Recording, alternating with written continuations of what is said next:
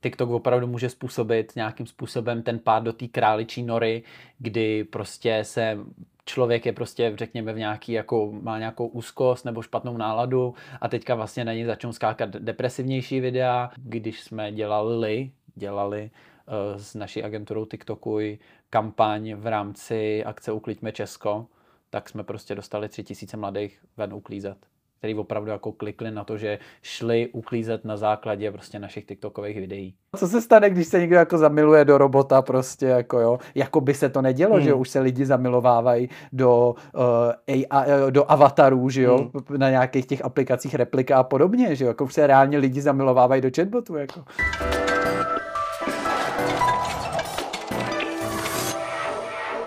Dobrý den, já jsem Ondřej Hudec a dnes tu mám vedle sebe dalšího extra hosta, kterým je influencer a tiktoker Sváťa Barek alias Svataba. Ahoj, díky, že jsi Ahoj přišel. Ondro, děkuji za pozvání a zdravím diváky. Eh, ty jsi na TikToku eh, celkem úspěšný, máš eh, kolem necelých 500 tisíc sledujících. Jak dlouho to trvalo se takhle vypracovat a co zatím vlastně bylo?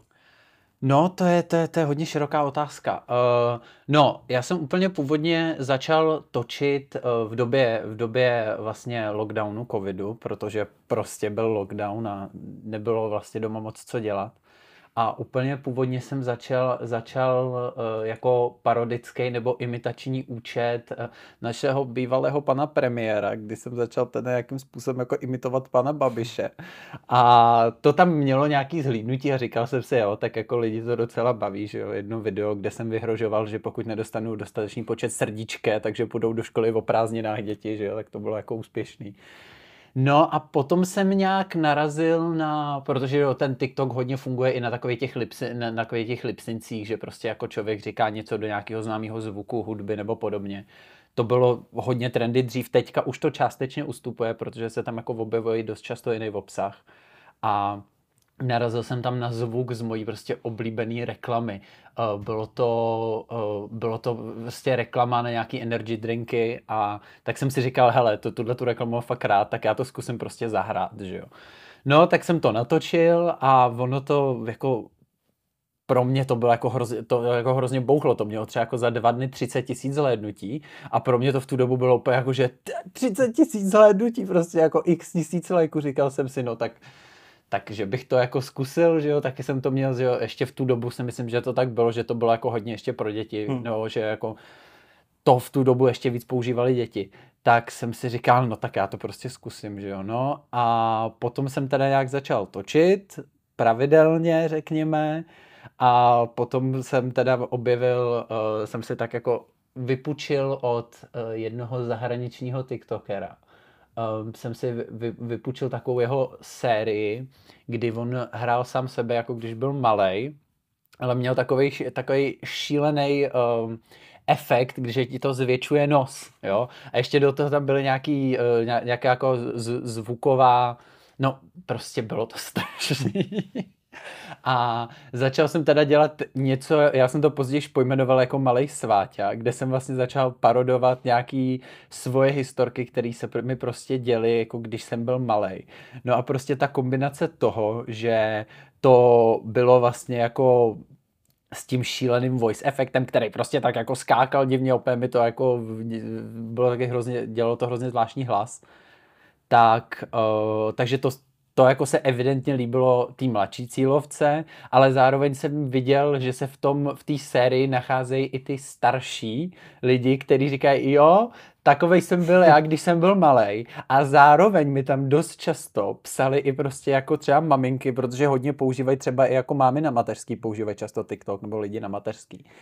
A Uh, říkali, jo, takhle se přesně teďka chová ten můj, že jo, no a to byla teda, jako musím říct, jako to strašně bouchlo. To některý Takže to vyletělo vlastně ráz na ráz, ten to úspěch. Bylo to ze začátku, ten TikTok, oni to mají všechny sociální sítě, že když jako tam těch uživatelů ještě není tolik a není hlavně tolik těch tvůrců a ten trh není tak saturovaný, když to tak řeknu, tak se ze začátku na těch sítích prostě jako snáš sbírají, řekněme, nějaký followers, jo, a když přijdeš aspoň s něčím trochu originálním, tak to myslím, že ty lidi ocenějí a tohle to prostě jako bylo, tohle to jako opravdu bylo, tam některý videa měli prostě jako 900 tisíc hmm. hlednutí, jo, jako fakt, to byla jako, ši, ši, to byla šílenost a dlouho mě to bavilo ale potom jsem teda z toho nějak přesedlal na jiný obsah, ale k tomu se asi dostaneme. No. Takže to bylo To jsem se právě chtěl zeptat, no. jestli musí člověk dělat, řekněme, blbiny, aby byl úspěšný na tom TikToku, nebo jestli právě jde uh, tam dělat i vážnější věci, což ty vlastně dokazuješ, že jde tam mít nějakou vážnější tvorbu.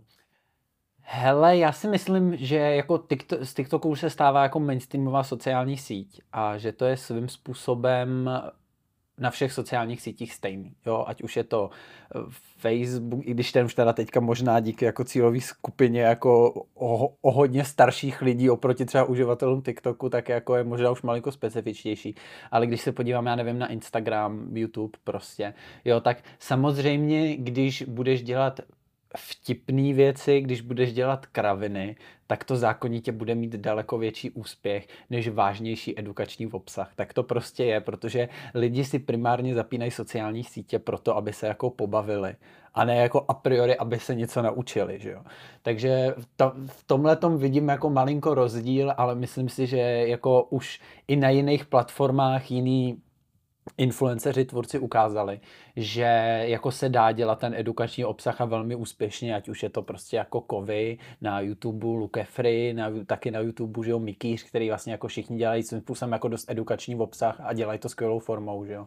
Nebo Johanka ze Sem v obraze na Instagramu, to jsou všechno důkazy, že jako i ten edukační obsah jako funguje, ale hodně záleží na té na formě, jak to podáš. Takže dřív asi, asi bych to řekl tak, že dřív bylo ten edukační obsah dělat, bylo komplikovanější, ale určitě se to dá, ale musíš to podat formou, kterou ty, která ty mladý bude zajímat. Hmm. Jo, a to si myslím třeba, že je teďka můj jakoby hlavní cíl vlastně přijít na to, co je ta nejlepší, co je ta nejlepší forma. Takže dá se, ale samozřejmě když vymyslíš něco vtipného, budeš dělat skeče, tak jako na tom TikToku budeš mít větší úspěch. Tak, tak to prostě je. Ty jsi zmínil Kovyho. Hmm. Řekl bys, že jsi takový Kovy na TikToku? Nebo jaký je vlastně tvůj současný obsah? Takhle, uh, moc zdravím Karla. Uh,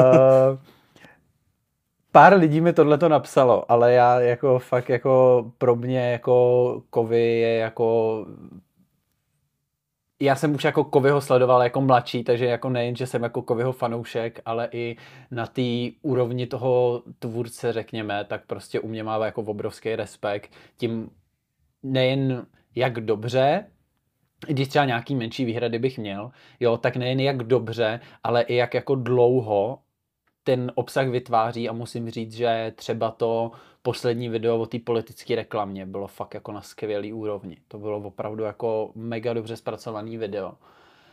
Takže některý lidi tomu tak říkají, já prostě říkám, že jsem sváťa a že se snažím točit o nějakých prostě sociálních tématech a teďka už teda mám vytyčený nějaký pilíře, který chci hlavně komunikovat Jo, a ať který už... to jsou ty pilíře? Pilíře, tak teďka to v poslední době bylo opravdu hodně umělá inteligence, AI, protože to si myslím, že jako je obrovský téma pro mladý a protože jako na TikToku je 2 miliony uživatelů, jo, řekněme, necelých, cca, teďka to možná malinko klesne, nevím, ale um, převážně tam prostě jsou mladí a nemyslím tím nutně jako 13 letý, uh, když, co si pamatuju nějaký statistiky z koncem minulého roku, tak tam bylo ve skupině 18 až 24 pardon, 18 až 24 milion 100 tisíc uživatelů, ale s tím, že podle Českého statistického úřadu je v této věkové skupině jenom nějakých 600, 680 tisíc lidí,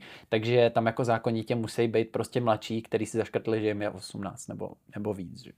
Jo, ale takže řekl jsem si, že nějakým způsobem se budu snažit komunikovat témata, které zasáhnou přesně tuhletu, tuhletu cílovou skupinu, který se jich budou týkat, ať už to je prostě umělá inteligence, změny klimatu si myslím, že teďka zase jako s tím posledním IPCC reportem, uh, to je zase velmi aktuální, jo. teďka se hodně řešil ten Willow Project, o kterém jsem konec konců včera točil a tohle to jsou nějaký ty dvě hlavní témata a po, potom teda jako sleduju v naší společnosti čím dál víc potenciální jako až mi přijde konflikt mezi mladší a starší generací, protože ač jako tyhle ty mezigenerační spory byly vždy, jako vždycky, tak teďka cítím, jako, že opravdu ty mladí mají jako tolik technologií a přístup k takovým množstvím informacím a takovým nástrojům, který já mám pocit, že v historii jako určitě nikdy neměli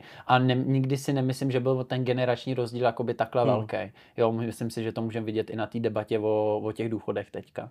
Jo, takže i ať se, nebo ať se bude dít cokoliv ohledně tohohle nějakého mezigeneračního sporu, tak bych do toho třeba občas chtěl něco říct, protože si fakt jako myslím, že to je třeba jako půlka, půlka poslanců v poslanecké sněmovně, kterým jako je opravdu jako dost jedno, co, co, co ty mladí budou dělat v budoucnu jo, a jak to tady bude vypadat. Takže v tomhle tom vidím nějaký ty komunikační body do budoucna, ale samozřejmě já jsem v tomhle tom jako hrozně, hrozně takový jako ADHD, takže občas tam na ten TikTok dám úplnou kravinu. Tak to a... se tam asi hodíš na tu sociální síť. jo, jako uh, určitě, protože jako samozřejmě pořád jsem jako vystudovaný herec, takže občas prostě pořád mám tendenci udělat nějakou sketch nebo nějakou blbost, jo, protože jako mě ta TikToková kultura vlastně jako docela baví, jo, takže nějaký trend nebo něco takového vlastně taky mi vůbec není proti srsti.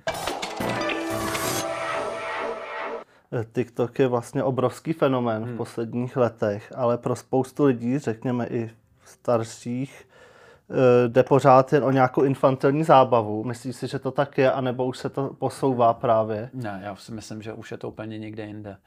Um, TikTok, uh, a k tomu se asi také ještě dostaneme, uh, jako umí fantasticky cílit videa. Jako ten algoritmus má opravdu výborný. Nemyslím si, že to je třeba jenom kvůli sběru dat, ale i hodně sleduju, i když je to taková jako trošku jako eh, jenom z vlastní zkušenosti, eh, že um, výborně umí cílit videa i třeba jako na základě toho, že prostě člověk dokouká pár videí, nevím, řeknu uh, Britain's Got Talent prostě, jo, kde jsou nějaký úžasný talenti. A vím, že potom je jako třeba další den půlka videí je prostě Britain's Got Talent, protože ten algoritmus prostě vidí, že... Ale nechytne si tě pak do té pasti toho algoritmu, že se říká o TikToku, že to umí velmi dobře právě Uh, tu rabbit hole, uh, jo, uh, takhle. Já bych to asi ještě malinko dokončil a potom to na to nějak navázal. Um, ono říká se teďka, že, jo, že eh, nejlepší zrcadlo do jako života a duše člověka tak jeho For You page na TikToku. Prostě, jo. Protože podívej se, co má člověk na For You page a podle toho poznáš, jaký on je. Protože každý tu For You page má úplně jinou. Jo, právě na základě toho výborného cílení. A já jsem tam chtěl říct ještě něco a už, mi, už jsem ztratil nit, takže se přesunu k tomu, k té králičí noře a pak si na to snad vzpomenu. Um, jasný, tenhle ten problém tam je, že eh, a byly na to prostě i různé jako články investigativní a podobně, že TikTok opravdu může způsobit nějakým způsobem ten pád do té králičí nory, kdy prostě se člověk je prostě, řekněme, v nějaký, jako, má nějakou úzkost nebo špatnou náladu a teďka vlastně na něj začnou skákat depresivnější videa a už vím, co jsem chtěl říct a navážu to na tohleto. A protože TikTok, uh, TikTokový algoritmus jako nejdůležitější metriku, podle čeho hodnotí, jako jak video bude úspěšný, je dokoukatelnost. A to opravdu jako sleduju, že je naprosto alfa, alfa, omega proto ten TikTok tak rychle vyrostl, protože se tam až tolik neřeší sledující, jo, nebo komentáře, budíš ty přidávají taky nějaký ten watch time, tu sledovanost, jo, nebo dokoukatelnost, ale primárně se prostě řeší, jak je to video dokoukatelný, jo. A to potom samozřejmě způsobí tu králičí noru, že když člověk jako koukne potom na nějaký depresivnější videa, dokouká je, no tak ten algoritmus prostě mu dá další depresivnější videa a tak dále a tak dále a tak dále. A bohužel tohle je, tohle je prostě dvousečná zbraň u toho TikToku a já říkám, že jako TikTok je nástroj na zábavu, je to prostě jako, je to nástroj a čím ostřejší, čím lepší máš nástroj, tím zodpovědněji s ním prostě jako musíš zacházet. Když máš super ostrou sekeru, tak jako s ní asi taky nebudeš máchat jen tak a budeš ji používat nějakým způsobem zodpovědně, aby se ti nic nestalo. Jo, a já si myslím, že tohleto, tohleto se, o tomhle se třeba prostě jako vlastně moc, moc nemluví. Nebo myslím si, že se o tom málo mluví. Vím, že zrovna Kovy, když jsme ho zmiňovali, tak vlastně o tom točil video, jo. Ale je to prostě skvělý nástroj na zábavu. Jo, když teda pominu teďka nějaký ty problémy, které asi určitě budeme řešit, tak uh, je potřeba, a myslím si, že i na edukaci opravdu si myslím, že já jsem se na TikToku naučil tunu věcí. A nejenom jako, že jsem se uh, naučil, já nevím, jak tam jsou takový ty různý life, life hacky, že jo, že prostě nějak se dá líp otevřít, já nevím, plechovka, nebo já nevím, jak voloupat banán, že jo. Ale jako reálně tam na mě fakt skáčou zajímavý videa, protože se o tyhle ty věci zajímám, jo. Z filozofie, prostě různý politický témata. Musím říct, že třeba americkou politiku, tak se často dozvídám fakt jako zajímavé věci právě na základě TikToku.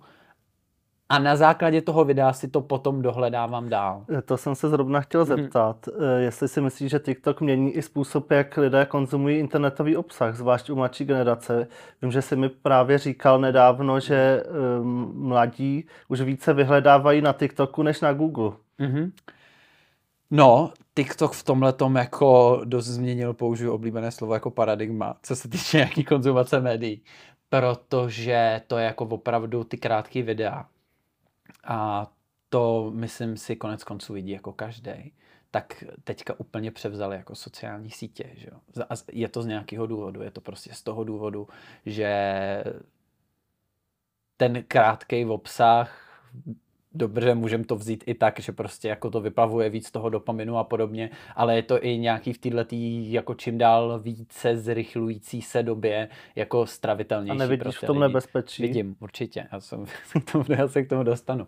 Takže myslím si, že ty krátké videa, a to je vlastně i moje filozofie na, jako, kterou, já, kterou já se snažím aplikovat do těch mých videí třeba. Myslím si, že TikTok není k tomu, abys jako pochopil obsáhle nějaký téma typu prostě jakou, jakou hrozbou můžou být prostě jako generativní modely v oblasti, jako AI, v oblasti deepfakeu prostě jako. Jo, jak prostě už teď se dokážou vytvořit kvalitní falešný videa, který fakt vypadá, jak jako vzniká tady normálně syntetická realita, mi přijde. Jako, jo. A tohle prostě neobsáhneš v minutovém videu. Ale myslím si, že ty krátké videa můžou fungovat právě na principu toho, že v těch lidech probudíš zvídavost o tom tématu. Jo? A myslím si, že to je vlastně strašně dobrý způsob, protože ty jako tvůrce tak uh, vytáhneš jenom to nejzajímavější z toho daného tématu a ty nejzajímavější věci jsou většinou fakt zajímavé, takže to i nějaký dosah má a na základě toho se třeba pár lidí najde, kteří si řeknou, hele, to je zajímavý, tak se třeba podívám na YouTube, jestli o tom netočil, já nevím, video, Jirka vysvětluje věci, jo, nebo prostě jestli tam není nějaký video, který tohle to vysvětluje víc do hloubky. Takže tohle je to pozitivní věc, no a pak teda samozřejmě jsou i ty negativní věci, které jako já si uvědomuju, jako je prostě čím dál nižší uh, attention span, jako mezi lidma. Hmm. Sleduju, myslím si, že to sledujeme prostě všichni, že lidi mají čím dál větší problém udržet díl pozornost. Jo, a to se samozřejmě váže potom i na řadu, na řadu dalších problémů, když to budu brát u mladých, myslím si jako pozornost ve školách. Jo. Eh, já jsem právě dělal no. rozhovor eh, se speciálními pedagožkami hmm. v jedné pražské základní škole a ty mi říkali, že je to opravdu závislost hmm. těch dětí, že, že je to obrovský problém hmm. v současné době. Souhlasíš s tím? Já s tím souhlasím, ale zároveň si myslím, že je potřeba se tomu přizpůsobit, protože tenhle ten fenomen z té společnosti nevymizí. No, ale tam už to uh, přece jenom přechází v nějaké patologie, když ty děti se nemůžou soustředit ani na výuku, mají psychické potíže z toho, to už asi není úplně v pořádku. No ne, to já jako pozor, to já jako nemarginalizuju tyhle ty hmm. problémy, to už samozřejmě potom jako záleží, o jakých dětech se bavíme, ale tak pořád by tam jako v tom měli hrát nějakou roli jako rodiče, Proto já si dlouhodobě myslím, že jako rodiče by s těma dětma některýma, ne když jako nutně koukat s nima na videa, tak minimálně se zajímat o to, co prostě sledujou. Jako. Jo, to si myslím, že je hrozně důležitý. A Samozřejmě, když to potom přijde v nějakou závislost, tak to je problém, ale opět se vracíme k tomu, TikTok je výborný nástroj na zábavu, ale protože je to tak dobrý nástroj, je potřeba ho používat zodpovědně, takže já tyhle ty pro- problémy určitě nemarginalizuju, ale myslím si, že se s tím dá jako lecos udělat a to si třeba myslím, že by se mělo možná řešit i časem jako opravdu nějakou jako legislativou klidně. Jo, že prostě jako donutit ty sociální sítě k trochu větší odpovědnosti v tom smyslu, že jako já přičítám jako velkou část rozdělení naší společnosti právě sociálním sítím a toho, jak ty sítě jsou nastavený na, na zisk primárně, takže to, to je základ prostě šíření dezinformací, že jo. Uh, ukazují ti v obsah, který v tobě vybudovala silné emoce, aby tě udrželi díl na platformě a inzerenti jako dávali víc do reklam, že jo, a ty jsi viděl víc reklam, z toho potom profituje ta sociální síť a ukazuje se, že jako největší emoce vyvolává nějakým způsobem nenávistný obsah, řekněme, jo, takže to už potom je opravdu na té zodpovědnosti těch sociálních sítí a říkám, úplně bych možná nebyl proti tomu, kdyby se začalo diskutovat o tom, jestli na, na ty sociální sítě prostě nějak trochu nezatlačit, ať opravdu ten obsah, který se tam zobrazuje, je trochu uh, méně konfliktní, po případě, který úplně jako ne, nekazí tu attention span. Tohle je samozřejmě hluboký problém, jo, ale já na to, hele, kdybych na to měl řešení, tak tady asi hmm. jako nesedím, jo, prostě. Jo. Eh, přemýšlel jsem nad tím letím dlouho a taky mě to štve, ale zároveň prostě na druhou stranu v tom vidím ten obrovský, obrovský potenciál, no. Takže je to prostě dvousečná zbraň za mě. V současnosti se TikTok hodně skloňuje v souvislosti s bezpečnostními hrozbami. Eh, některé úřady zakázaly svým zaměstnancům ho používat na firmních telefonech eh, nebo ruší účty přímo svoje. Mm-hmm. Jak ty tohle to vnímáš? Je opravdu TikTok bezpečnostní hrozba? Připomeňme, že je vlastněný z Číny, proto mm-hmm. vlastně se to řeší mm-hmm. teďka, že ty data jdou do Číny a řeší se, jestli mm-hmm. kde, kdo je schromaždí, jak moc citlivá data se schromaždí. Mm. No, tohle to mě prostě hrozně mrzí, co se teďka děje, protože uh, nejseš první, kdo se mě na to ptá, jsi možná tak stej, jo, ať už to prostě byli majitelé firem, uh, marketingové agentury, prostě politici, jo, jako hromada lidí se mě na to ptalo, protože vědí, že se v tom prostě pohybuju nejen jako tvůrce, ale i jsem prostě tady působil uh, hodně, hodně dlouho s TikToku i s agenturou, kde jsme se zaměřovali vlastně na TikTokový marketing. Takže, um, no, já v tom vidím primární problém je prostě ten, že je to vlastně Čínou. Jo, respektive, že to je čínská firma, který, která podléhá, podléhá čínské legislativě, která prostě říká v určitých paragrafech, že pokud prostě uh, čínská vláda bude chtít, uh, tak firmy jim musí poskytnout data. Jo. A svým způsobem to je ten největší problém a já to, to rozhodnutí Nukibu, to varování naprosto respektuju. A myslím si, že je úplně na místě, že pokud jako autorita, jako Nukip, prostě vyhodnotili, že tam je potenciální riziko toho, že někdy v budoucnu by uh, mohly být schromažďovaný citlivý data jako vládních činitelů nebo data z kritických infrastruktur, já nevím, mobilní sítě a prostě podobně, tak si myslím, že je na místě, aby to ty lidi neměli na těch, na těch jako pracovních zařízeních, respektive na těch zařízeních, který mají právě přístup do nějakých těchto těch jako infrastruktur, po případě nějakých systémů, který, uh, systémů té firmy. To je tohle si myslím, že je na místě ale svým způsobem to je nějaký, řekněme, politický krok, který je ale za mě jako prostě pochopitelný. A neohrozí to rozvoj té sociální sítě do budoucna, když čím dál víc institucí bude zakazovat? Jo, jako určitě, já prostě strašně doufám v to, já strašně doufám v to, že se to jako vyřeší, samozřejmě nejradši bych byl, kdyby ten prostě ByteDance jako odkoupili jako čistě nějaká, řekněme, západní firma, jo, Uh, vím, že jako TikTok dělá opravdu tunu věcí a teďka se můžeme bavit o tom, jestli je to jako kouřová slona a zástěr, jako jen nějaký zástěrky, jo, ale že uh, poskytují prostě novinářům vstupy do různých, uh, že jo, do, do, do různých místnost, místností prostě s datama, že jo, a uh, data uživatelů v Evropě, tak by údajně se měly skladovat jenom, teďka myslím Irsko a ještě jedna země, jo. A takže doufám, že třeba tenhle ten tlak opravdu způsobí to, že už tam žádné pochybnosti nebudou, ale obávám se, že prostě dokud to bude prostě čínská firma, tak uh, se tohleto bude dít a říkám, naprosto to chápu a a štve mě to, no. Štve mě to, protože říkám, že v tom vidím obrovský potenciál, vidím, jak, skvě, jak skvělé věci se i díky TikToku prostě můžou, můžou udělat. Když třeba zmíním, tak uh, když jsme dělali, dělali uh, s naší agenturou TikToku kampaň v rámci akce Ukliďme Česko, tak jsme prostě dostali tři tisíce mladých ven uklízet, který opravdu jako klikli na to, že šli uklízet na základě prostě našich TikTokových videí. Jo? Takže ten dopad pozitivní na tu společnost, o které já se primárně snažím, tam může být, no. Ale um, uvidíme, uvidíme, jak se to vyvine.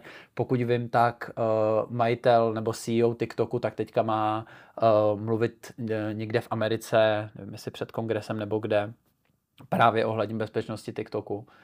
A uvidíme, jak se to vyvine dál. No. Já chci být s mladýma v kontaktu, mladí tam zůstanou. A v tom případě tam prostě zůstanu i já, protože s nima chci komunikovat a chci s nima řešit ty závažné témata, chci znát jejich názory a chci, aby se o těch názorech prostě mluvilo. A myslím si, že tu možnost tyhle témata nějak zviditelnit nebo víc prosadit do nějaký veřejný diskuze, tak mám, mám, já nevím, jestli říct způsoby, jo, ale myslím si, že je to potřeba, aby se co nejvíc mladých prostě vozívalo a já, já chci být jeden z nich, no. Eh, ty máš i politická videa. Mm-hmm. Reagoval si například na Alenu Šilerovou. Ano. Eh, co tě na jejím videu tak eh, vyprovokovalo? Já, já nevím, jak moc se chci pouštět vlastně tady do politické diskuze. Uh, je její osoba uh, uh, no já nevěřím těmhle lidem absolutně to, že by jim jakkoliv záleželo na mladých. Když se podívám když se podívám prostě, jak, jak se zvedlo tempo zadlužení naší země za, za jejich vlády, tak prostě nevěřím tomu, že tady jim reálně jde o, o mladý a nevidím žádnou rozpočtově zodpovědnou politiku, jo. A opravdu, opravdu, když jsem, když jsem viděl, jak přišel na TikTok potom, a říkal jsem to v tom videu, když jako pan, pan její uh, majitel, prostě pan Babiš jako před uh, rokem a půl zobrazoval nás mladý jako nějakou bandu hmm. anarchistů, který chtějí prostě důchodcům nastěhovat jako do bytů migranty. Jo, já se omlouvám, ale to je prostě úplně mimo. A jestli, ten, jestli ona za tím tím vyjádřením jako stojí, jo, tak mi potom přijde absurdní, že najednou přijde na nějakou sociální síť, kde je převážně cílovka mladý a je, začne je to tam účelovka. s nima, jako, a nevím, jestli je to účelovka, prostě jim z nějakých průzkumů vyšlo, že aby uspěli další volby za dva roky, potřebují začít hmm. cílit i víc na mladý, protože se ukázalo, uh, poslední, poslední parlamentní volby se ukázalo, že prostě ty mladí to evidentně nějakým hmm. způsobem ovlivnili, jo, ať už to byl a myslím si, že do velké míry zatím prostě, eh, nebo na tom má uh, na, na to má zásluhu Kovy nebo Mikýř, že jo, ta jeho kampaně Andy k volbám, že jo. Takže uh, jim evidentně prostě z průzkumu vyšlo, že mají jít na TikTok, tak nám teďka pan Babiš prostě tančí na TikToku a paní Šelerová se tam zavírá do spacáků a a je naopak nějaký politik nebo politička, kteří to dělají dobře na sociálních sítích, na TikToku. Vidíš tam nějaké uh, lidi z politiky, že by si řekl, jo, tak tohle je docela dobrý? No, myslím si, že Danuše Nerudová při prezidentských volbách mhm. ukázala, jak by se ty sítě měly dělat v případě, že chceš komunikovat na mladý. Uh, nevidím upřímně úplně asi politika, který by ten TikTok opravdu ještě měl zmáknutý. Jo. Uh, to asi úplně ne, protože na tom TikToku, podle co mám, co mám třeba já nějaký data k dispozici, tak uh, jsou tam často lidi, kteří mají jenom TikTok a nemají třeba jiný sociální sítě, jo, což znamená, že tam máš exkluzivní cílovou skupinu, na kterou je ale potřeba cílit nějakým způsobem v obsah, že jo. A tam uh, tam si myslím, že si některý politici, teda jako říkám, typu prostě jako Danuše Nerudová, se tam blížili, ale pořád mi to nepřišlo, že nevyužili plný potenciál toho TikToku. Eh, myslím si, že existuje celá řada formátů, který kdyby v kampaních uplatnili, a to jsou fakt jako voskoušený formáty, sám jsem vyzkoušel na několika prostě firmách, že fungovaly výborně. A určitě by určitě by byli úspěšní i u nich. Zvlášť kombinace ještě s politi- jako tím, že jsou to politické postavy. Takže určitě za mě sociální sítě mě bavily Danuše Nerudová a pak musím říct, že eh, krizov, krizovka a krizová komunikace Petra Pavla poslední týdny to byl, to byl masterpiece. Jako některý ty, některý ty memes, některý ty prostě vtipný videa a obrázky. Na mě to vyskočilo a já jsem, já jsem se fakt jako nemohl přestat smát. To bylo, to bylo fakt jako konec, konec jako tý, nebo závěr té kampaně, že si ud, mě, mě, prostě bavilo, že si udržel celou dobu tu, tu vážnost, řekněme, jaký ten řád a klid, jo?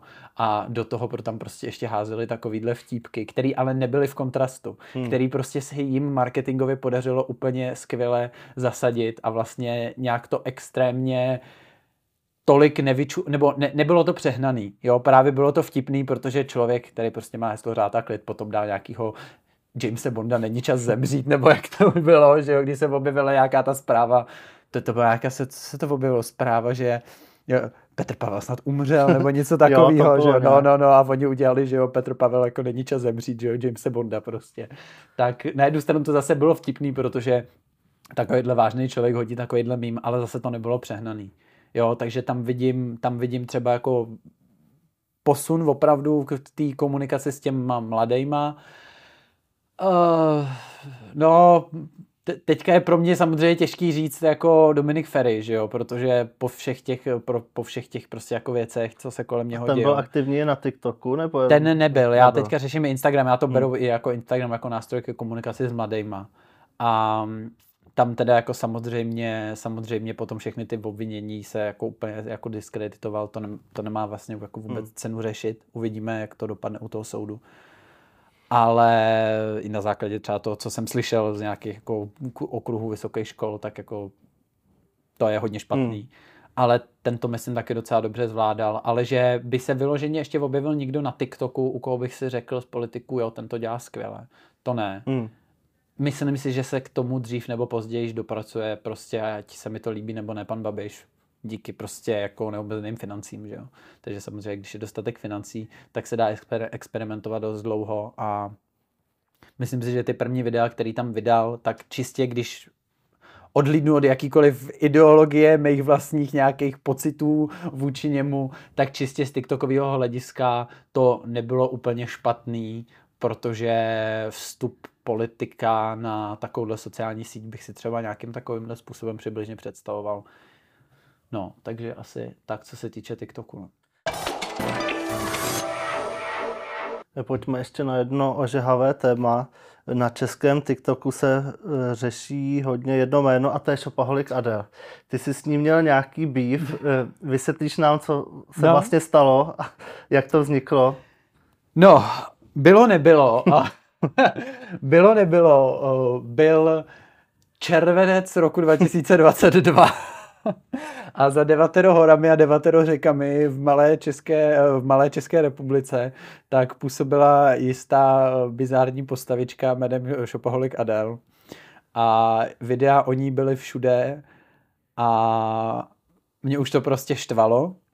Mě už to štvalo. Myslím si, že teda její, ús, její úspěch, úspěch na sociálních sítích, jestli to tak můžu nazvat, tak i leco teda dokazuje mimochodem jako o nás, jako o společnosti. Že jsme nikomu dali takovejhle prostor a takovouhle možnost se zviditelnit. Jako myslím si, že bychom se nad sebou možná měli malinko jako zamyslet, co to říká o nás. No, ale uh, na mě ty její videa vyskakovaly dost často a všechny reakční kanály se z toho si, si na tom prostě hnali neuvěřitelné čísla a já jsem vlastně začal mít takovou obavu, že ten zájem o ní prostě časem musí jako vyprchat. To prostě, to jsem říkal vlastně i v tom videu, který potom odstartovalo celý to, co se děje, že bizáry mají setrvačnost jenom určitou dobu. Jo, prostě nějakou dobu, jo, je to vtipný, podívám se na to, cítím se jako lepší člověk, protože jako podívej se, co dělá on, jako jo, to, proto jsou bizáry tak úspěšný, že jo, protože si vždycky jako z toho lidi jako usoudí, že nejsou na tom ještě tak špatně, že jo, prostě jako. A uh, já jsem si začal říkat, co se vlastně stane, až tahle ta bublina praskne hmm. prostě, jo. A tak nějak jsem vlastně došel k názoru, když jsem sledoval ty záznamy z těch jejich jako streamů a občas jsem na tom streamu na chvíli byl a viděl jsem, jak se cítí jako obrovská celebrita hvězda, tak jsem si vlastně jako říkal, hele, až to opadne tohleto, co jako bude s ní, protože ona je jako přesvědčená už, že, v to, že je totální hvězda. Že? A, uh, a tuhle tu moji obavu toho, že, a vlastně jsem v tom videu naznačil, že se obávám, že by si třeba mohla něco udělat, hmm. jo, což si myslím, že jako bylo reálný, tak jsem nějakým způsobem jako artikuloval, řekl v tom videu. No a zkrátka dobře se stalo to, že jsem natočil minutu, a půl dlouhý video, kde jsem vlastně mluvil o tomhletom, že už mě, že, že jako, jestli si uvědomuje, co, co jsme prostě způsobili, jo, že se cítí jako celebrita a co se stane, až ten hype opadne. A na konci jsem eh, dal prostě větu takovou žádost, eh, jestli bychom si teda nemohli udělat, eh, že pojďme se všichni společně domluvit a pojďme si dát srpen bez Adel. A řekl jsem to takhle, pojďme si dát třeba srpen bez Adel.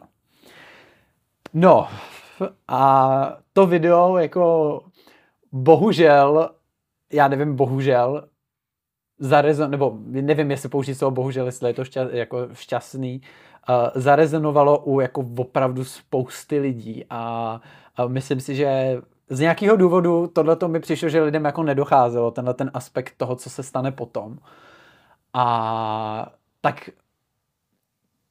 to hodně lidí začalo sdílet a potom, a teďka doufám, že si to pamatuju správně, tak ten hashtag srpen bez Adel vznikl na základě uh, sešití, že jo, reakce, to je možnost, jak reagovat na TikToku na videa, že reagujete na první jedna až pět vteřin, že jo. Jinýho TikTokera, který to jako přesně řekl, který vlastně to řekl úplně explicitně, hele, jako svátě se vám prostě snaží říct, jako, že ona by si jako mohla něco udělat, že jo, prostě mám jako po, pocit, že jako řekli, jako, jako zabít se, že jo, a um, to je jako špatný, bla, bla, bla, bla, bla, bla, a pojďme hashtag srpen bez Adel. Mám pocit, že takhle opravdu vzniknul ten hashtag. No a pak už, pak už se to, pak už to byla prostě jako sněžná koule, která se prostě jako navalovala. A, a ona na tebe nějak reagovala potom? No, uh, musím říct, že další dva až tři dny jsem z toho vlastně vůbec jako nebyl jako dobrý. A to je z toho důvodu, že já jsem jako nešel si sednout před tu kameru s tím, že jako a teď cancelnu Shopaholic hmm. Adele, prostě. To nebyl můj záměr. Můj záměr byl, jo, hele, ukázat na to, poukázat třeba si to pár lidí jako to, ale jako nějaký jako celoplošný jako cancel, který se vlastně hmm. svým způsobem začal dít. To úplně nebyl, to, to, to nebyla pointa toho videa za mě. No, Adela na to reagovala, začala mi psát na Instagramu, začala mi posílat ty hlasovky, že jo, úžasný. A ve své podstatě jako to byly úplný nesmysly, jako co mi posílala, jo, jako, že, že, že, má právo na to být influencerka, jo, nikdy ti to nebere, ale prostě když se jako, tě, když lidi přestaneš zajímat, hmm. tak jako se z tebe už influencer nejde, protože ten vliv nemáš, že jo. No a uh, potom se objevilo video, který mě fakt jako znervoznilo teda. A to bylo, že nějak prostě Adela ležela na posteli a ona fakt jako vypadala zničeně. Já samozřejmě nevím, kolik to byla hra a kolik to bylo vážně. A říká tam něco, že jí prostě všechno bolí a že je z toho úplně v hajzlu. A já jsem si fakt začal říkat, jako, ty vole, pro, protože ji začali strašným způsobem, já nevím, jak moc si to, eh, jak moc si to třeba diváci pamatujou, ji začali strašně ubývat sledující. Hmm. Jako jí ubyli za ty tři dny, mám pocit nějakých 50 tisíc sledujících, a za to si 60 tisíc. No. Většina lidí si to tak sebe jako vyložila a myslím si, že i v té komentářové sekci toho videa, který má teda mimochodem milion 600 tisíc zhlédnutí, jako to prostě úplně duš.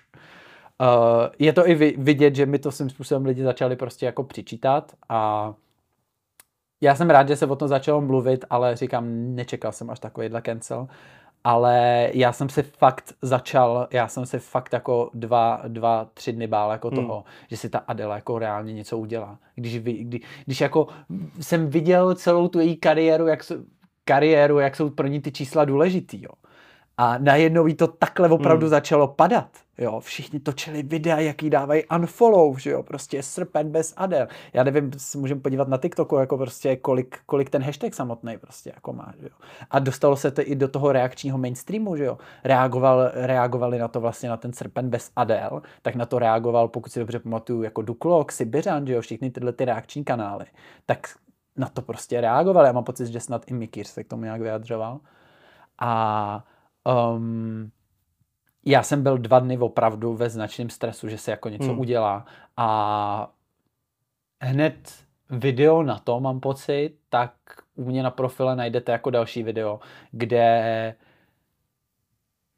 jsem se trošku prostě jako stáhnul a možná to jako ode mě nebylo jako nejhrdinštější, ale kde jsem prostě dal nějaký vyjádření, hele, jako to nebyl můj cíl hmm. a bylo to čistě z toho důvodu, že jsem jako chtěl být aspoň jako částečně řekněme, krytej, kdyby si reálně něco udělala, protože bych si dokázal představit, že by z toho jako byla obrovská kauza. A to samozřejmě nebyl můj cíl. Jo. Já si prostě nemyslím, že to, co ona na těch sítích dělá, je i pro ní zdraví. Hmm. Jako. E, to jsem se zrovna chtěl zeptat, jestli si myslí, že si uvědomuje vlastně důsledky toho, co dělá, anebo jestli o tom neví. Já si myslím, že o tom neví. Já si myslím, že uh, evidentně prostě má nějaký hmm. mentální prostě jako problémy, jo, nebo psychický. A, a že jí to možná jako tohle to nedovoluje. Jako. Jo, já se, říkám, já se snažím tomuhle jako já nevím, jak to říct, prostě bizáru jako vyhybat, protože mě to vlastně jako nic moc jako nedává, řekněme, hmm. ale samozřejmě to nějakým způsobem sleduju, protože je to prostě téma mezi mladýma, že jo. A já si myslím, že si to naprosto neuvědomuje a teďka, že jak se rozešla s tím Davidem, hmm. co jsem tak viděl, jako, tak to prostě jako je taky. On si ještě pozval vlastně Mikýř do svého pořadu. E, myslíš si, že už to bylo přes čáru, anebo to naopak bylo v pohodě? On, no, to je dobrá On otázka. to pak vysvětoval tím, že mhm. vlastně hmm. nechtěl jí potopit. Jak to vnímáš ty? Já jsem na to koukal a myslím si upřímně, já jsem vlastně viděl i ten uh, rozhovor Mikýře uh, u Čestmíra Strakatýho, kde to řešili, kde se ho na to Čestmír ptal. A Mikýř říkal, že to nebyl účel, že si neuvědomoval, uh, jak moc to bouchne. Hmm. Vlastně byl v dost stejné pozici hmm. jako o, o té situaci, o kterých jsme se teďka bavili my dva, že jo? Takže já ho v tomhle tom chápu, ale zároveň nevěřím, nevěřím tomu, že zatím nebylo vůbec jako hmm. žádný, že, že, že zatím jako nebyl ani náznak toho, nebo že nechtěl využít toho, co se kolem ní děje, aby to, aby to video mělo nějaký zhlídnutí, aby se o tom jako mluvilo. Já zase nevěřím, že to bylo jako jenom čistě, hele, udělám tenhle ten satirický formát, ať si z toho každý odnese, co chce, jo. Uh, myslím si, že jako věděl, protože jako z jeho tvorby mi jasně vychází to, že jako on moc dobře hmm. nad, tím, nad tím přemýšlí, konec konců se to ukázalo i u té uh, kampaně s tou datovou schránkou, že jo, u toho já jsem dana, kde právě propojili prvky, kde dělali, že jako to má něco jako souvislost Shopaholic Adele, že jo? Bylo to i na začátku toho samotného rozhovoru. Takže jako on evidentně o těch svých videích jako Martin hodně dobře přemýšlí a moc dobře musel vědět, že jaký bizár to bude, ale samozřejmě protože jsem si, řekněme, prošel něčím jako podobným jako on, tak jako chápu, že možná nečekal, že to hmm. jako bouchne až tak moc. Ale mě to vlastně bavilo. Mně právě se taky ty její odpovědi se mi neironicky jako líbily v rámci nějakého hmm. dada humoru, ale hmm. chápu, že ne každý to vnímal stejně a mohl to třeba zapříčinit pak nějakou kyberšikadu. No. no a já si myslím, že u tohohle formátu je potřeba se trochu hmm. vlastně zamyslet a vlastně uh, ne, uh, jak to říct, um,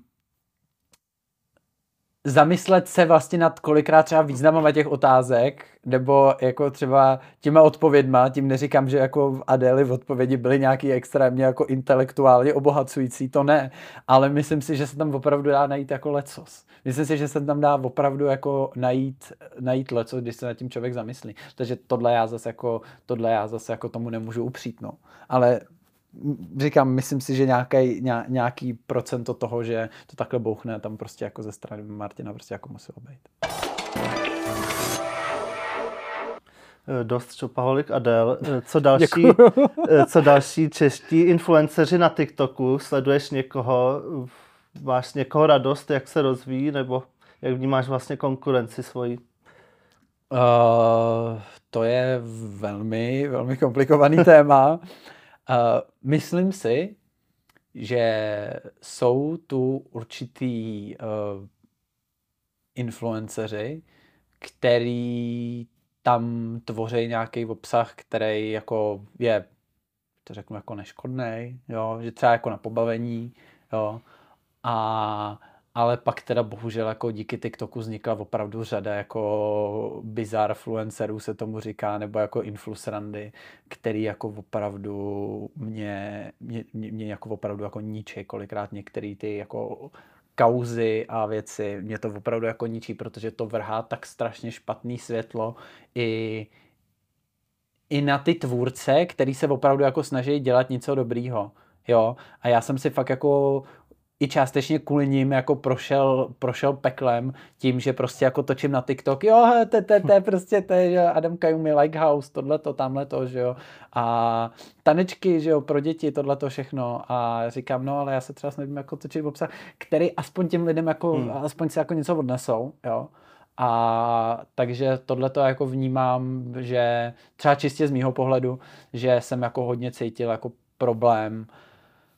A ale už se to mění, ne? Jak jsi říkal. No, ono totiž vlastnost těchto těch jako tvůrců nebo těchto těch jako lidí, který získávají sledovanost jenom pomocí jako nějakých kaus, jo, řekněme, nějakých um, drama queens a prostě ono a to je ještě jedno lepší slovo, na který se teďka nevzpomenu. Uh, tak jako ty lidi budou bavit jenom určitou dobu. Pokud těm lidem prostě něco nepředáváš, a teďka nemyslím jako, že musíš něco učit, jo. je to i nějaká zábava, jo, ale něco dlouhodobějšího, co dává smysl, tak tyhle ty lidi prostě zapadnou. A zapadnou z toho důvodu, že v těch lidech vlastně ten influencer nic moc nezanechává. Jo? Jako když se zamyslíš vlastně nad nějakým jako třeba tvým oblíbeným používám to slovo influencer, nemusím ho právě třeba díky těmhle těm lidem, nemusím tohleto slovo. Uh, když se zamyslíš na celou řadu tvůrců, který třeba máš rád, tak jako je máš rád na základě toho, co ti nějakým způsobem předali, ať se u nich pobavil a tě o něčem informovali, jo. A to jsou ty to jsou ty vlastně tři základní kameny, jak tvořit na sociální sítě, že jo? Pobavit, informovat nebo šokovat, že jo? jo? Ale to šokování prostě má jenom omezenou o, omezenou trvanlivost a ještě k tomu to šokování jako musíš pořád stupňovat, hmm. aby to vlastně pořád bylo šokující, že jo. jo. Takže no, takže v tomhle ohledu mě působení těchto těch lidí jako uh, štve, protože to vrhá potom špatný světlo i na lidi, kteří se, který se snaží prostě jako dělat něco dobrýho. Nehledě na to, že si pořád myslím, že když máš velký čísla na sítích, tak bys měl mít prostě nějakou odpovědnost. Jo, spousta, já vím, nějakých jako libertariánsky přemýšlejících hmm. lidí ti řekne, teď jako je svoboda, ať si dělají, co chtějí, že jo. A já říkám, jako jo, ale prostě obzvlášť jako ty opravdu, který cílej na ty mladší cílové skupiny a prostě dělají různý, já nevím, kraviny a proskoumávačky a já nevím všechny tyhle ty jako hmm. věci, které spíš baví tu mladší cílovku, jo, tak by prostě a oni si to určitě uvědomují, že na něj ty mladí koukají, protože vidějí statistiky, hmm. jo, vidějí jako demografii svého publika a vadí mi, když tam není žádná jako zodpovědnost za, za, za to chování, že jo. To se třeba tenkrát stalo Talimu, že jo. Jak je tenkrát, to je ta legendární, že jo, jak je 200, já nevím kolik na dálnici, že jo. jo. A to je přesně ta zodpovědnost, kterou, kterou, kterou by ty influenceři prostě jako měli mít, Jo. Takže v tomhle ohledu vidím řadu tvůrců i na TikToku, který tuhle tu zodpovědnost mají a třeba si ji uvědomují. Ale pak možná to přijde přirozeně, že jak bude ta sociální síť stárnout, tak se bude měnit i ten obsah. Ostatně stalo se to YouTube, stalo se to Facebooku, tak oni se ty, proč by se to nestalo? Oni se ty bizarní prostě jako tvůrci, a pak řekněme, přijde nějaká nová jako. sociální síť. No, zase. jo. Jo, ale tím jsem vlastně chtěl říct, to, to, to byla ta pointa, co jsem chtěl říct, že tyhle, ty, tyhle ty lidi prostě jako časem zapadnou. Hmm. Jo, tyhle ty lidi časem zapadnou, pokud nezačnou tvořit něco, co má jako hlavu a patu. Jo, takže a je to, pro mě, je to vlastně strašná škoda a já bych je chtěl třeba jako vyzvat, jo, kdyby se jako uvědomovali, v jaký společenský, no, společenský situaci třeba jako jsme a jak významnou roli hrajou ty sociální sítě v, ži, v životě těch mladých a jakým způsobem jsou vůbec mezi mladými influenceři braný. Jo, to je jako totální superhrdinové. Hmm totální superhrdinové. Já o sobě strašně jako nerad říkám, že jsem nějaký influencer nebo něco, ale tak nějaký čísla na těch sítích mám. A, a jsi super vidím, ne, ne, ale vidím, co mi některý prostě jako diváci, fanoušci, sledující jako píšou. Oni jsou se mi schopní svěřit prostě jako s tím, že je šikanuju ve škole. Hmm. A když, když mu odpovím, hele, a řešil jsi to jako s učitelkou, řešil jsi to s rodičem, ne ale napíše to tomu hmm. influencerovi, protože to je jak kámoš. Jako. Je to autorita pro ně. Je, je to pro ně jako, to je právě to vtipný, že jo. Jak se vlastně chovají ty uh, tvůrci, influenceři, je to, je to strašně nejde přes pusu to slovo, uh, jak se chovají jako kamarádsky na těch sítích, tak uh, a přátelsky, tak zároveň oni je berou ty tvůrce jako vlastně kamarády, ale zároveň tím hrozně zlížej. To je jako prostě, kdybys měla, nevím, kamaráda Supermana, že jo, hmm. svým způsobem, když to přeženu. Samozřejmě přeháním, ale jako obávám se, že ne tolik. Jo. A chtěl bych, jako byl bych rád, aby si tohle třeba jako víc těch tvůrců hmm. uvědomovalo a třeba se podle toho tak jednali. No, tak ale... třeba se na to budou koukat no, a vezmou tě za srdce. Uh, bohužel řada těch lidí to dělá prostě jako jenom kvůli číslům a kvůli penězům a jako není tam moc nějaká zodpovědnost za mě a to se s tím, tím se prostě jako nedá nic dělat, jo, jako. No, takže, takže tak, no. Na závěr bych se chtěl zeptat ještě na jedno téma, které jsi zmínil a byl bych nerad, aby zapadlo, mm-hmm. a mhm. to je umělá inteligence. Eh, myslíš si, že nás nahradí roboti? Uh, kolik máme času? Můžu to říct ve dvou větách a můžeme se tady o tom bavit hodinu. Uh, tak, jako, tak něco mezi tím. tak úplně jako disclaimer na začátek. Já nejsem žádný AI specialista, ale na základě toho, že o těch věcech natáčím, uh, a vlastně je to svým způsobem už teďka, nebo jako svým způsobem je to moje práce, už teďka jako opravdu učit se a vyhledávat informace a potom je sdílet tak um, to opravdu tohle téma poslední dva roky sleduju velmi, velmi intenzivně. Jako opravdu se snažím, jako vlastně posle, poslední tři čtvrtě rok, řekněme, tak opravdu u tohohle tématu sedím každý den, jako. A já si nemyslím, že to bude jako... Otázka je teda, jestli nás nahradí roboti. Já si myslím, z toho všeho, co jsem četl, viděl, slyšel, že se extrémně díky těmhletěm AI nástrojům zvýší produktivita práce lidí, což způsobí to, že jeden člověk stihne daleko víc práce, což bude znamenat, že Tím pádem, té firmě... Ale nebude muset pracovat tak dlouho taky. Že co? Nebude muset pracovat tak dlouho. Už se mluví o čtyřdenním pracovním Jo, týdnu. to, to je, ano, to je jedna, jedna z možností, že jo, pokud vím, tak tohle to probíhalo v Británii s obrovským úspěchem, že jo. Jako Některé firmy už to i v No, Čechách no, no, no, nabízejí. no, jako vlastně to byly hrozně pozitivní ohlasy. Takže pokud se teda lidi, CEO z firmy rozhodnou, že teda nevyužijou tu produktivitu jenom k tomu, aby jako zvyšovali co nejvíc zisk, ale využili to k tomu, aby se trochu postarali o jako psychický zdraví jejich zaměstnanců a zdraví jejich zaměstnanců, tak samozřejmě třeba ta míra, to, míra té nezaměstnanosti v té dané firmě nebude jako tak vysoká, nebo to propouštění. Jo, ale myslím si, že prostě bude celá řada. Hlavně i ta nezaměstnanost samotná třeba už nebude takový problém, protože bude uh, už se objevují úvahy o nepodmíněném základním příjmu a podobně. Ale No, to už jsou potom ideologické Ale to už, spory, eh, to už jsou by potom bylo na hodně- jinou debatu. To už, no, ono je to součást Hmm. té debaty, jako jo, protože jako Ale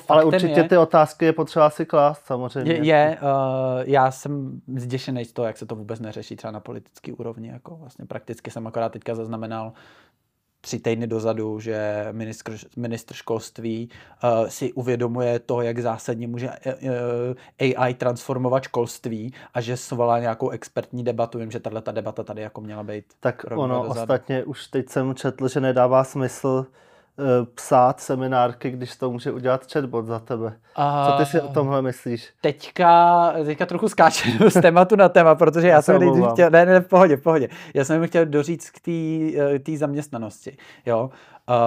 Uh, když se podíváme na průmyslovou revoluci, tak lidi taky prostě rozbíra, rozbíjeli stroje a mysleli si, že, uh, ne, ne, že je prá, stroje připraví o práci. Jo, uh, a začaly vznikat nové pracovní pozice, jo, kdyby ještě před 50 někdo le, uh, lety řekl, že bude nějaká pozice, co před 30 lety, nějaký social media manažera, manager prostě, jo, správce sociálních sítí, já nevím, tak by na něj jako všichni koukali, jako odkud mu dali propustku, že jo, kde, odkud mě, z, jakého ústavu měl vycházku možná, jako, jo. Takže uh, je možný, že ty prostě práce nový budou vznikat, já v to pevně doufám, ale myslím si, že opravdu to nahrazení bude, bude značný, ale nemyslím si, že to jako v nejbližších jako letech, do, já nevím, 230, 240, i když, kdy, jak se to rychle vyvíjí, tady je opravdu jako v této oblasti dělat jakoukoliv Hmm. predikci, jo, a nedostat potom za to košem, že jsi řekl úplnou kravinu za pár let, je taky jako, ale říkám, čistě můj, můj pohled, můj názor, eh, který nikdo nemusíte absolutně brát vážně, je to čistě jako názor do nějaký debaty, tak si myslím, že to nahrazování těch lidí opravdu bude značný, kvůli té zvýšení produktivitě těch jednotlivců, což znamená, že nejvíc to odnesou uh, ty nes, neskušený nebo špatný ve svém oboru. To prostě tak bohužel bude, že jo. A jsou tu i radikálnější, uh, jsou tu i radikálnější uh, názory typu Yuvala Noaha Harariho, uh, historika a filozofa, že jo, který varuje před tím, že může vzniknout a teďka to použiju šikovnějc, než o tom mluví on, uh, třída pracovně zbytečných lidí. Hmm. On říká třída zbytečných, mně to přijde jako hodně nešťastný, protože to tak jako není, protože to jako nebudou lidsky, uh, lidsky jako nějak nepoužitelný lidi, ale mluví se i o tom, že může vzniknout takováhle třída, který právě jako budou nezaměstnatelný. A je tam hrozně moc jako věcí, co se musí udělat. Firmy musí prostě poskytovat kvalitní, rekvalifikační hmm. jako uh, s, uh, kurzy, jo, prostě lidi by se opravdu jako měli naučit se učit, aby se co nejrychleji dokázali vlastně přizpůsobovat na nový práce, protože jako uh, přicházení z prací, z prací do prací bude čím dál častější. Jako bude to čím dál častější, čím dál častěji člověk bude muset měnit práce, aby se tomu vlastně rychle vyvíjejícímu se trhu který eh, bude právě jako popoháněný tou AI, tak aby se tomu přizpůsobil. No. Takže to, tohle to vidím jako některý, jako některý rizika, ale třeba fakt jako vznikne celá řada nových prací, ale zase na druhou stranu jako máme doteď ti, fyzi, eh, doteď ti stroje nahrazovaly jenom jako fyzickou práci, jo, prostě jako robotizace v rámci nějaký firmy, že jo, prostě, tak prostě auto už ti vyrobí jako nějaká prostě výrobní deska, že jo, robotická. No, ale jako všichni říkali, jak AI v životě nenahradí ty kreativní věci a teďka poslední rok vidíme, hmm. že jako prostě boom a prostě jako mid journey dali už jako vidíš v obrázky nerozpoznatelný od reality, jako prostě vidíš, jako začínají vznikat text tu video, což znamená, že zadáš text a vznikne ti video, že? což je úplně šílený. Jo. A jako evidentně ta kreativa není takový problém. tady vlastně nemusíme sedět. no za pár let. Ale co jsem tím chtěl říct, je, že vlastně my máme jako fyzické práce a máme ty mentální práce a moc jiných prací už nemáme. A jako ve chvíli, co to řada lidí říká, že ve chvíli, co vlastně AI začne nahrazovat i tohleto, tak už potom opravdu vlastně nebude jakýkoliv jiný druh práce. Ale já stále věřím v nějaký jako sebe, uh, sebe, jak, jak to říct, um, záchovnej put lidstva, že to prostě nějak jako vyřeší, že jsme jako opravdu inovativní, když jako je potřeba. Ptal se na to chatbota, co si o tom myslí? Ved jsem o tom opravdu dlouhé diskuze s chatbotama, takže uh, tak oni jsou samozřejmě naprogramovaný hmm. tak, jako, že to je tak komplikovaný téma, že oni jako neřeknou úplně jako definitivní věc, že jo, ale jako dají přesně několik těch jako pohledů na věc. A jo, ale jako jsou tam i návrhy. I tyhle ty chatboty jako navrhují prostě něco, jako byl nepodmíněný příjem, hmm. že jo. Ale jako to vy, možná v krátkosti jako vysvětlím, že by prostě lidi dostávali nějaký peníze, že jo, každý, každý měsíc nepodmíněně prostě, jen tak. Uh, to je jako neuvěřitelný jako záhul pro rozpočet. Jako neuvěřitelný, ale. A to by opravdu tady muselo jako dojít k nějakému jako velkému zdanění jako opravdu bohatých firm. A to už jsou potom ideologický sporé levice, pravice, daně, nedaně, ale jako takovýhle věci tady prostě jako, tady takovýhle věci tady teďka prostě jako potřebujeme začít už to zkoušeli ve Finsku, tam už to zkoušeli, že jo? A ve Švýcarsku mám pocit, se no. to taky ještě, tam o tom dokonce proběhlo referendum a Švýcaři to odhlasovali, že to nechtějí, jo. Ale i to tam už, už jako takováhle diskuze tam byla, no.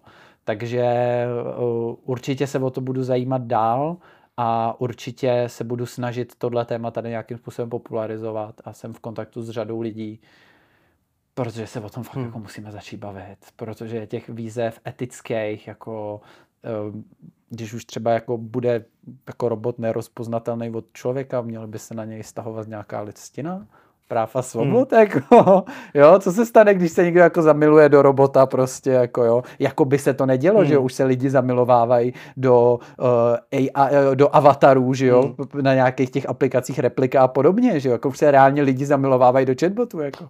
No, a my tady prostě jako řešíme jako v roce 2023 jako rovnost, jestli mají mít jako, uh, jako homosexuální páry prostě jako svazky, jako pardon, no samozřejmě jako, jako my potřebujeme začít řešit tyhle ty témata, jako opravdu, no, a, co, a co nejdřív, protože to není jako, že si o tom začneme jako bavit a v té poslanecké sněmovně si tam něco jako odříkají a schválí se nějaká legislativa. To jako budou sakra velký boje to budou sakra velký boje a budou to sakra velký boje z důvodu, že se tyto lidi jako na tohle téma teprve jako budou jako učit se tohleto téma budou. Takže jako jestli opravdu chcete pro svou budoucnost něco udělat, tak se o tohleto téma zajímejte. Možná je to ze začátku komplikovaný, ale je to neskutečně zajímavý. Jako, co už to dokáže, jako je prostě na další hodiny. Myslím, že o tomhle bychom se mohli bavit ještě dlouho, no. ale čas už není. Eh, tohle byl Sváťa Barek, díky, že jsi přišel. Já moc děkuji za pozvání, doufám, doufám, že to dávalo hlavu a patu a budu se těšit třeba zase někdy příště a děkuji všem, všem divákům, že to tady s námi vydrželi.